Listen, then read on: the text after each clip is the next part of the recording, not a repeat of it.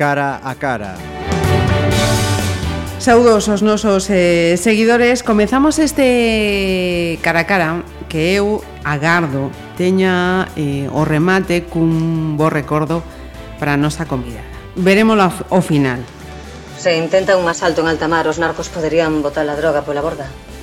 Xa. Ademais, os cárteles xa se encargan de que as tripulacións sexan de nacionalidades que non teñen tratado de extradición cos Estados Unidos. Sería unha perda de tempo. Rematarían sen a droga e sen cargos para xulgar os mariñeiros. Mónica Camaño, benvida. Hola, boas tardes.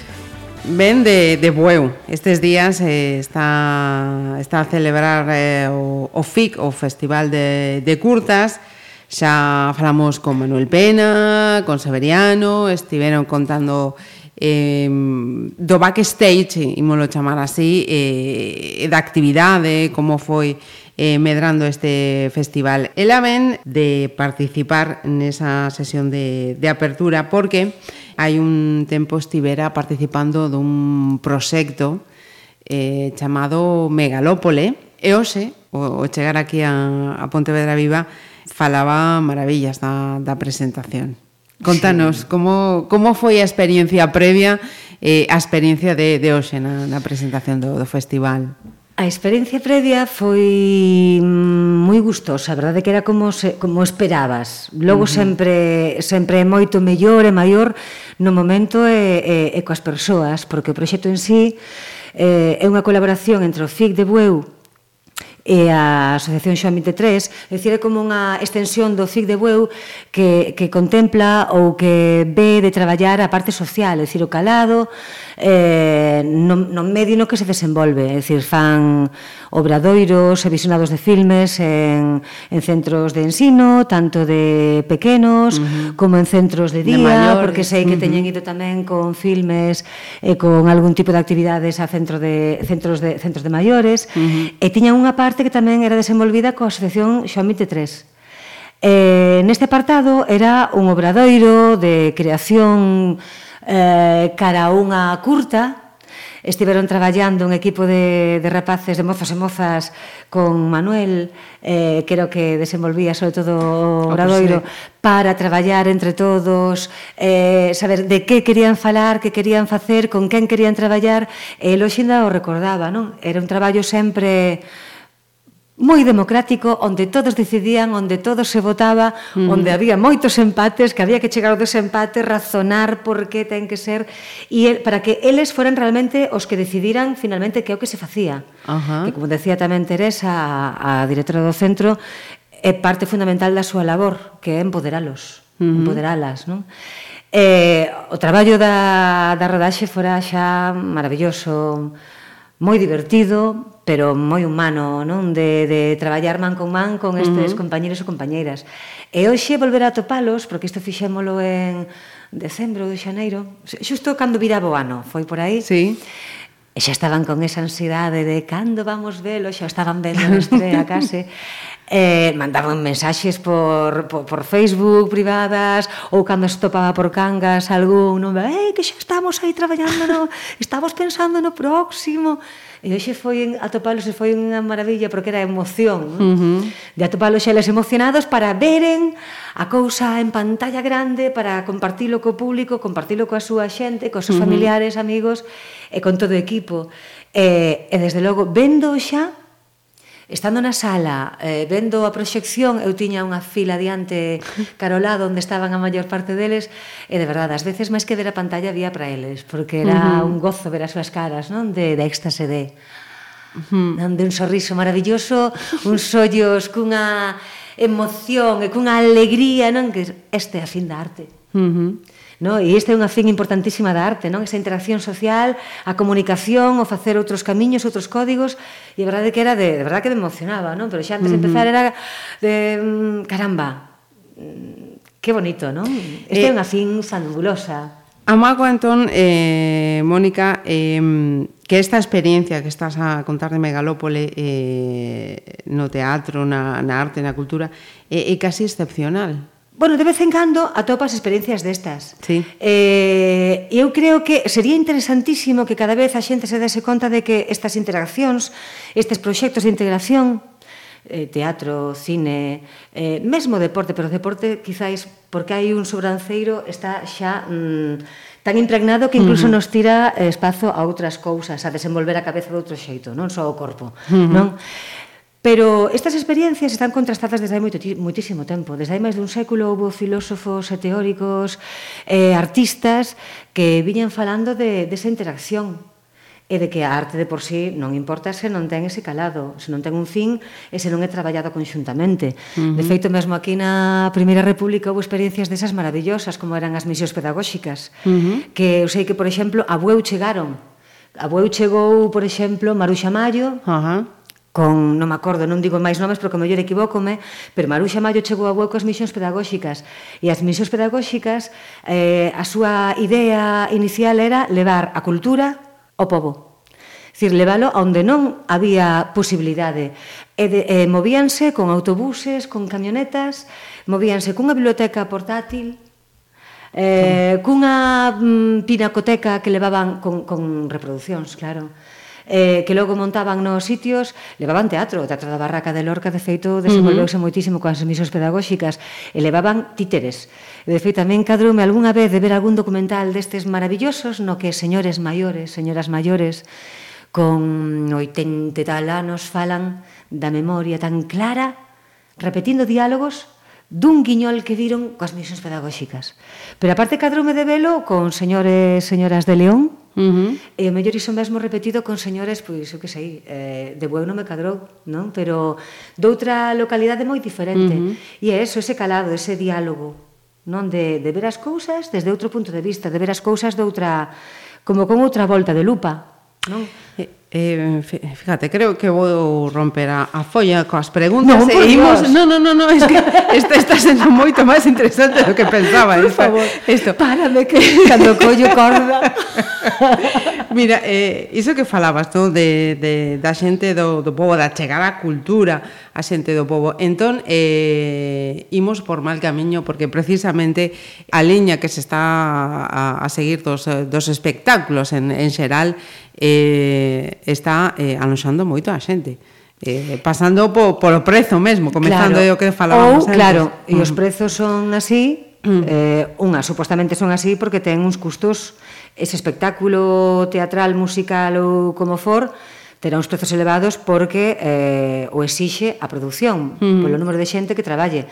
Logo hai un aumento que é polo cachet. A cuestión é que se pague. Ajá. Uh -huh. Non, non discuto se é legal ou non que a xente abra a boca pedindo cachet.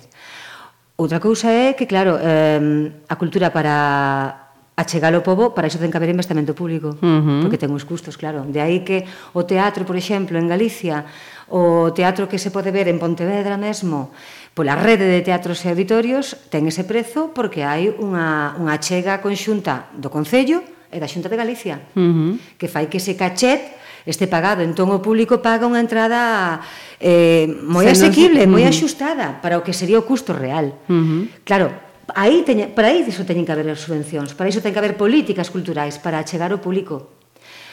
Outra cousa é que eu creo que hoxendía estamos nun perigo que mm, creo que falsamente falamos de cultura popular con cousas que mellor non me gusto, claro, é a miña opinión. Uh -huh.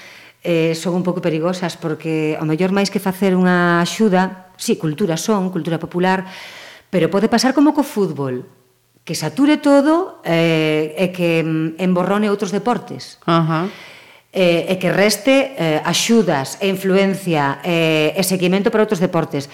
Que, por exemplo, pasa en Galicia agora, con esta moda indonte, vi un artigo sobre mm, creo que era un artigo do país incluso falando de la cuestión das orquestas en Galicia uh -huh.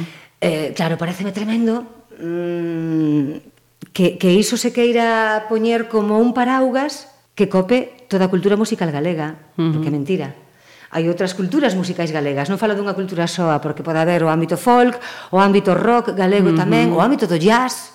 Sí. En Pontevedra sabese moito demais diso. Dicir, que non haxa un algo que oculte Uh -huh. Porque logo aí hai outra cousa perniciosa, falase de cachés moi altos. Sí, vale, é moita xente traballando. Pero a, a forma na que eses cachés están desenvolvidos ou como se cobran, habería moito que ver porque ese diñeiro non pasa por unha caixa dun concello, son mm. comisións de festas, E moitas veces o mellor poderíamos estar falando, como saltou a noticia algunha vez de que que pasa con iso. Con, mm, certo. Non con esas mm. formas de eh, falar de cultura popular. Entón, por iso mm -hmm. digo mm-hmm. que atención. Cuidadinho. Hai moitas formas de achegarse. Mm -hmm. eh, fíjate, estaba eh, mirando así mm, entrevistas túas, eh, documentación. Vou repetir unha frase que, que chamou a atención eh, moitísimo. Falabas o comezo de teatro nu, que, que vai facer 10 anos, no, no 2018, sí, eh? Sí, sí. Uh -huh. eh, decías, eh, somos conscientes de que empezamos de, desde a nada, porque cando tes que vender o espectáculo, ves que non naciches para vender, que naciches para, tra para traballar e crear. É tremendo eh, porque te sientes humillada. Hmm. Ten que ver con, con eso sí, que estás... Eh, sí, porque, mm, claro, Como valoras o teu traballo? Como, é dicir, como, como lle pos prezo o teu traballo? Nós podemos saber perfectamente que cales son os custos que leva a facer unha montaxe, empezando xa polos custos de dereitos do autor eh, como foi, por exemplo, nun caso noso aí, que sabes que son eh, tantos euros de dereitos de autor, ou o que custa a cartelería, o que custa facer unha escenografía, o que custa un vestiario, o que custa o salario dun actor, dunha actriz durante un mes. Uh -huh. eh, é dicir, custos moi concretos. Sobre iso tipo un cachet, pero logo tes que vendelo, é dicir, tes que vender o teu produto. Mm. Palabra horrible. Eh, eu reconozo que non teño capacidade para iso. O mellor con bagaxe podería ser, pero non teño capacidade para iso. Eh, e eu supoño que é unha cuestión de personalidade. A min Eh, desde pequena teño unha imaxe gravadísima da miña nai vendendo leitugas e tomates e repolos na praza de Cangas uh -huh. e chegar unha señora eu era moi pequena porque eu recordo que eu vía para arriba E chegou unha señora dicindolle canto son, e pediulle pois o que fora en pesetas. Anda, muller, que isto bota ali na aldea, venche para arriba. E eu sei que vía para a miña nai, mamá, non, non che ven para arriba, ti traballas como unha Eso. negra uh -huh. para sacar isto e para traelo aquí a, a, a praza tes que madrugar para collelo fresco pola mañá e unha parte recordo esa imaxe niña non, de, no, dille algo non puido, non era capaz Non, eu supoño que esa mesma é unha cuestión de personalidade, non? E claro, quedoume tan clavada esa humillación que xa cando nos intentamos vender eh, os espectáculos algunha vez era sentir iso outra vez, non? De cando as veces mm, alguén que este saturado colle o teléfono e che contesta deixademe traballar que tamén estou traballando.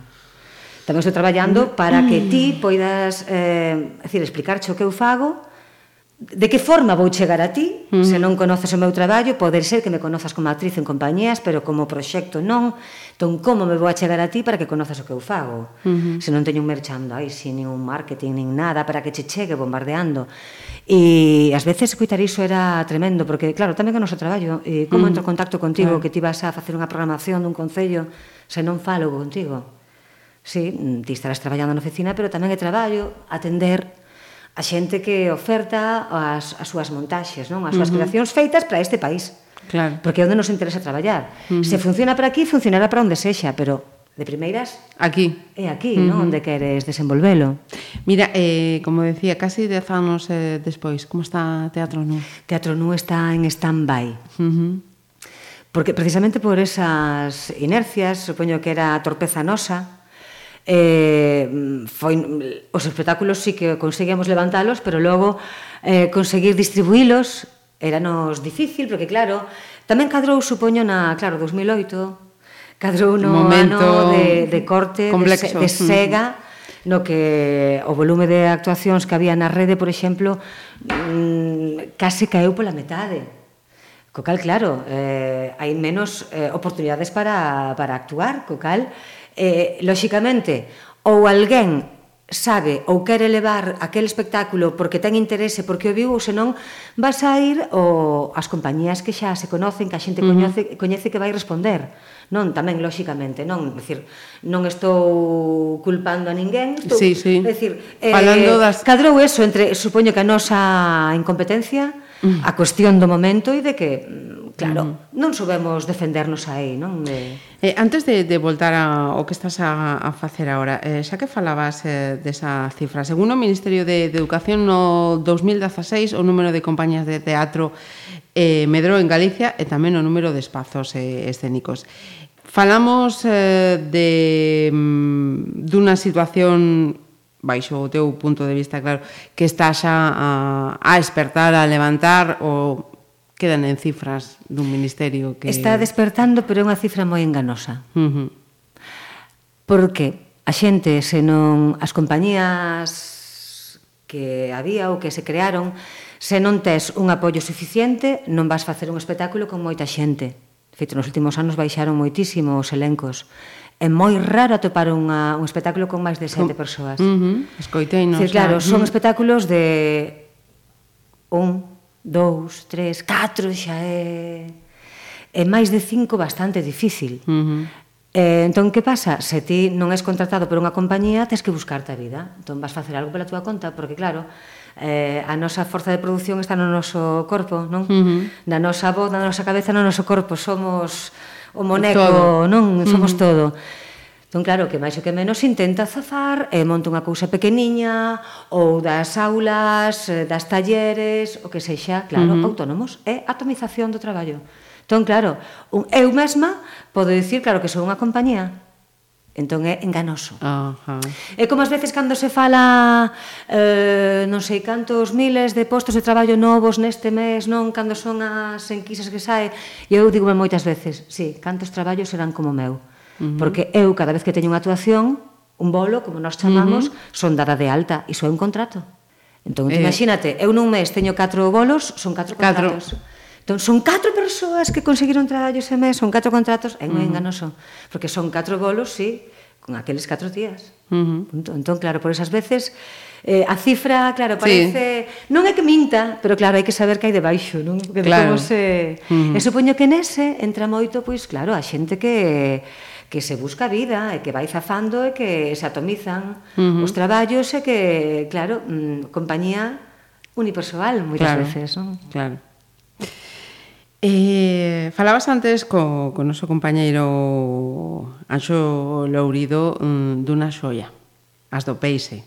Saltaban os ollos, Mónica. Disfruta, disfrutabas con, con sí, esa... Sí, porque eu creo que eh, é deses espectáculos que na vida dunha actriz mmm, que pase unha vez e xa me dou por contenta, a verdade. Uh -huh porque coincidiu que, bueno, a temática mm, de partida que foi a, a, a o motor foi Cristina Domínguez, a directora, e Casilda, eh, o motor foi xa, é dicir, ese motor de, da idea de traballar sobre as mulleres que traballaban na conserva xa era moi atractivo. Pero logo Cándido soubo facer das grabacións das mulleres, porque foron horas de grabación coas, uh -huh. Con traballadoras, algunhas que aínda siguen, pero moitas que eran xa ex-traballadoras. Eh, con esas horas de grabación maravillosas nas que había penalidades e había anécdotas eh, moito do traballo e moito das súas vidas el cunha distancia soubo recoller desa memoria o que lle ficou de pouso e facer un, un texto realmente fabuloso que a representa a todas elas, porque esta tamén era a nosa idea, non? Por favor, queremos representalas con dignidade, uh -huh. que se sintan orgullosas, non, deste desta representación, non? Esa era a nosa a nosa idea, non? Eh, claro, e fixo de tal xeito de que combina, claro, o drama, porque é unha historia dunha derrota. Uh -huh. Porque claro, aínda que siguen manténdose conserveiras, non é a forza do que había, de feito tamén se di no texto, porque claro, a forza de traballo vai se para onde é a forza de traballo máis barata Eh, aquí eh, éramos mulleres baratas, pero hai outras aínda máis baratas máis... que nós. Uh -huh. Sempre hai alguén que está peor que nós, uh -huh. desgraciadamente. E entón todo se xuntou uh, o elenco de actrices eh, acabamos entendéndonos moi ben, eh, admiramos moito o traballo das outras, entón todo foi como unha conxunción moi boa. Uh -huh. E acabou sendo pois iso un paquetiño, a verdade que desde desde o primeiro día, non, que foi de de moi gustoso. Uh -huh. E a verdade é que mm, ves que mm, a min pola rúa teñme parado pois porque saíches nunha serie ou te viron naquela peli ou tal, pero paraban de pola rúa polo teatro e iso uh -huh. era un orgullo uh -huh. non de emocionarte, pero iso tanto na miña terra como en Compostela eh, tende cadrado en Coruña non de, de estar recente por ali de pararte a xente por unha obra de teatro entendís, ben, Chegamos a xente, non? E esa cousa de que a xente pregunta cando volvedes a, cando volvedes uh -huh. a actuar en Vigo, cando volvedes Iso xa non está E cando? Non, non se sabe? non, en principio ah, está tamén aí porque estamos xa coa nova montaxe que estreamos. Nacidas libres, claro. ajá, agora estás... Pero bueno, as do peixe creo que cando que iramos, porque está xa integrada en nós. Ajá, pois... Pues, Eso, iso é grande. Mira, eh, entón con Nacidas Libres como está como está agora o momento? Pois espera, a punto case de empezar como aquel día a temporada, porque uh -huh. estreamos en Cangas abrindo sí. a mostra de teatro. Eh, claro, o verán non é unha temporada boa pro teatro, uh -huh. hagas os festivais, pois non, non hai programacións, claro, e, e as poucas programacións que hai, porque hai festivais ao aire libre como o de Rivadavia, que son as condicións moi boas, porque claro, a xente xa vai o que vai, pero logo hai algunha programación de verán na rúa que é un tanto lamentable. De feito, cadronos este ano aínda con nacidas libres, e son experiencias que xa pasamos cos do peixe tamén, que che fan pensar a cando empecéi, hai 20 uh -huh. algo de anos. E a Silda, a Casilda Alfaro, máis tamén lle traía máis recordos, non? De, caramba, cando empezamos hai 20 e pico de anos que non había auditorios e casas da cultura, vale, actuábamos na rúa, no comedor dun colexio, onde cadraba. Pero agora, aínda que sexa verán, uh -huh. actuar fora é difícil porque estás nun espazo libre e os nenos teñen que xogar, e van facer ruido, e os canciños van ladrar, e, como nos cadrou tamén unha vez cos do peixe, e hai festas, entón, o chivirín das cadeas vai facer piriri piribí, piri. e, tremendo, claro, precisas un espazo mm, cómodo, axeitado, axeitado, uh -huh. non con a non ser que sexa un espectáculo que permita desdobla, des, desdoblarse, e eh, desenvolverse noutros espazos, non? Que os claro, pero isto non é un espectáculo de rúa, iso, claro. Ajá, claro. Isto non era de rúa, non? Uh -huh. Precisas escoitar, atender, porque aparte hai momentos de emoción, que, que precisan recollimento, momentos de estampida así de risa, pero Claro, os teatros son para algo. Pues, uh -huh. Mira, eh, comeza o outono, eh, vais comezar, eh, vas, vas comezar, perdón, eh, recollendo un premio sí. Sograrexa sí. no, no Festival Internacional de Carballo. Sí, é verdad que foi tamén así unha sorpresa fabulosa, xusto logo de estrear uh -huh. Nacidas Libres a semana seguinte, eh, que sinceramente, nese momento, cando me odín por teléfono, se me poñen unha cámara diante, debía estar cunha cara de papona, porque aparte non facía máis que rir, que me decía o meu compañeiro, Tía, ah, fala, que estás mm. rindo, de que non era... Foi, sí, unha sorpresa moi boa, moi grata, non? Uh -huh. Porque aparte son compañeiros, os xuglares e xuglaresas de outros anos que, que, que deciden. Uh -huh. Eh, de verdade que mm, non sei aínda que como vai ser a cousa, se teño que falar, non sei, non sei. Pero vai ser un Pero bueno, un xa se me están baixando os porque a verdade que me puxo moi nerviosa, sí. non? Esa, sí, Uh -huh. Parece unha tontería, non? Pero, claro, sempre che sempre che toca. Este non é unha persona, claro, claro, non de ostras, por que? non, entón, claro, é unha alegría, pero é como, bueno, xestiona, aprenda a xestionala, non? De, uh -huh. Si, sí, é un comezo moi moi xeitoso. Empezamos uh -huh. coas funcións, empezamos recollendo premio, e ben. Boi, boi inicio de tempada, iso está ben. Eh, como decía, eh, eh, vou pasar de, de moitas preguntas que, que tiña porque isto está resultando moito máis interesante. Eh, notase que estou, estou aprendendo moito eu hoxe con, As dúas. con Mónica. Grazas. Mira, eh, ante, antes de, de ir coa seguinte cuestión. Os cascos, por favor, para que escoites o que temos eh, Atención. reservado para ti. Yo estaba en... Fua, sexto, en quinto, es que ya no me acuerdo, en el 83, 84, Está y Mónica estaba un curso más bajo. Y entonces eh, pintor empezó a hacer obras de teatro y, en, a final de curso siempre se hacía la obra de teatro esta, o bailabas o hacías la bobería, vamos, pero vamos muy bien.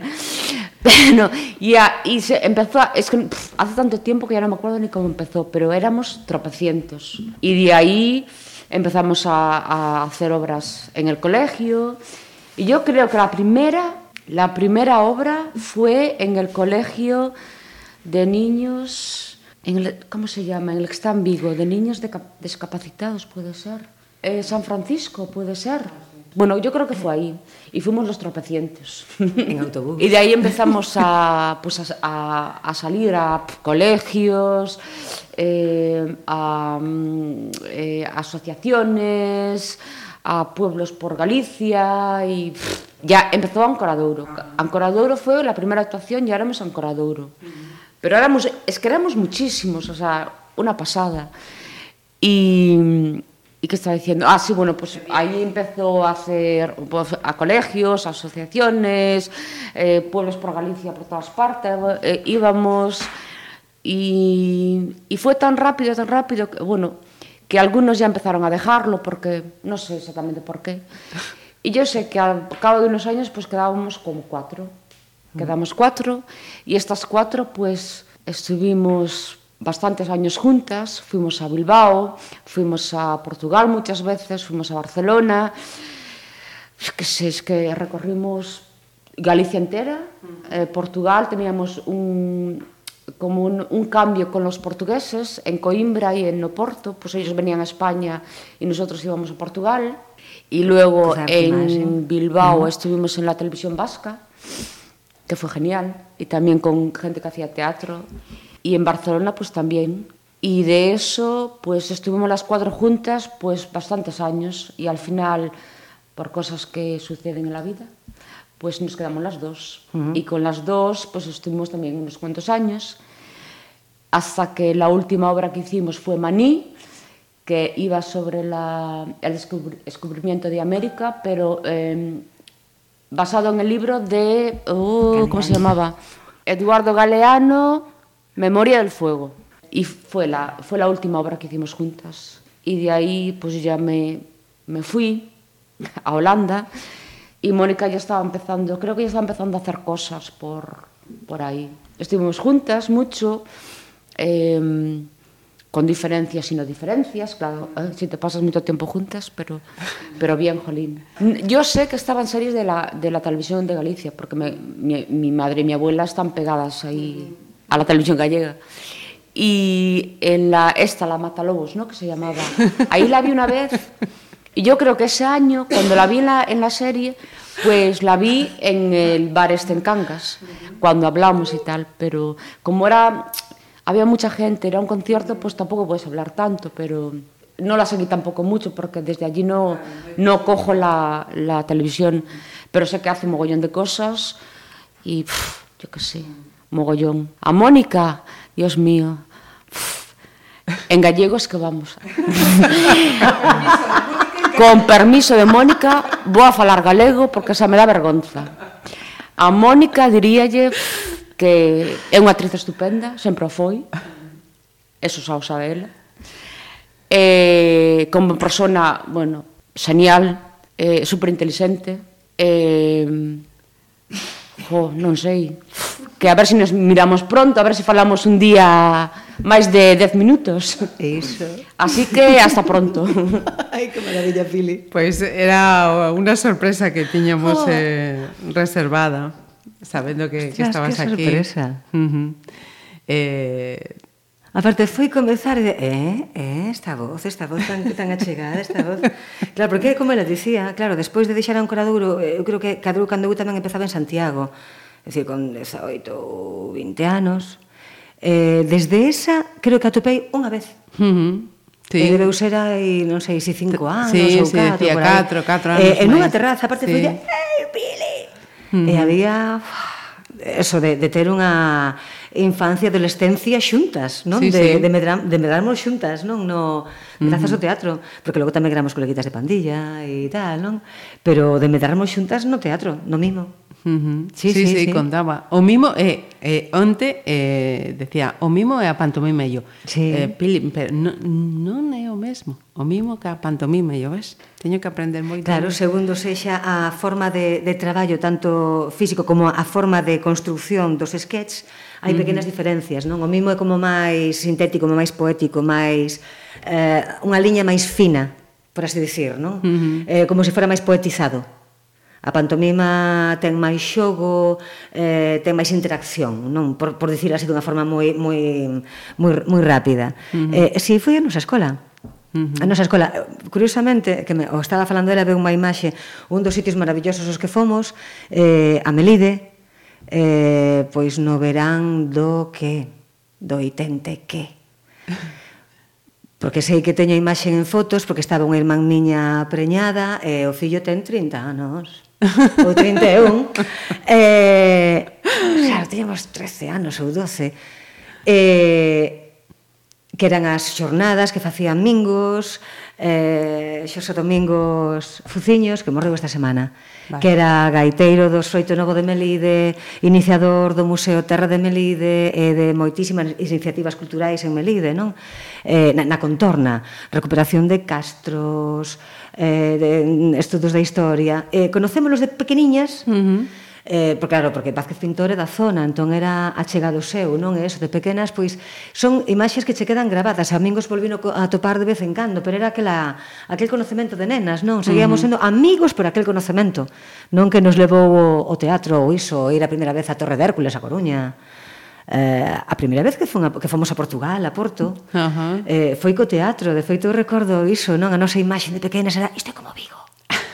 Parece viaxes a Vigo. Vigo daquela. Sí, sí, sí. Non a cousa de chegar desde o barco en Cangas e aquilo subindo, aquel tipo de eh. edificios. E sí, era como un paralelismo, non Porto Vigo. Uh -huh. eh, conoceramos a la Ostanxarina, que estaban alá tamén traballando no facer a festa cos, cos compañeros de Artimaxen que era a, tamén a compañía que seguimos tendo contacto con eles non? con Zele Town que era o, o director daquela que segue sendo non? que son eso, son encontros eh, dos que siguen durando, non? Dos que e deses encontros felices que, perdura, que te fan como persoa sí. tamén, non? Que perduran e que cando se rompen, como o caso de Mingos esta semana, non? Uh -huh. Que me atopei de, ostras, que desolación, non? Porque realmente, claro, un encontro que tes moi afincado alá, non? Dos encontros que te fan como persoa. Dice, pero por que me afecta tanto? Claro, porque uh -huh. cando te empezas a facer como personita, non? Aí de E sí, e claro, foron moitos vínculos, moita vivencia e a verdad que foi unha sorpresa maravillosa. Pois, pues, Mónica Camaño, moitísimas grazas por estar aquí, a máis dunha, dunha actriz eh, como alguén eh, díxome, é unha persoa desas que, que necesita Galicia. Ah. Mm, mm, mm, hai moitas, hai moitas. O pasa que temos que sacar a, a vergoña, ir para adiante, para... Mm. Pero sí que hai. Moitas grazas, de verdade. A vos, a ti.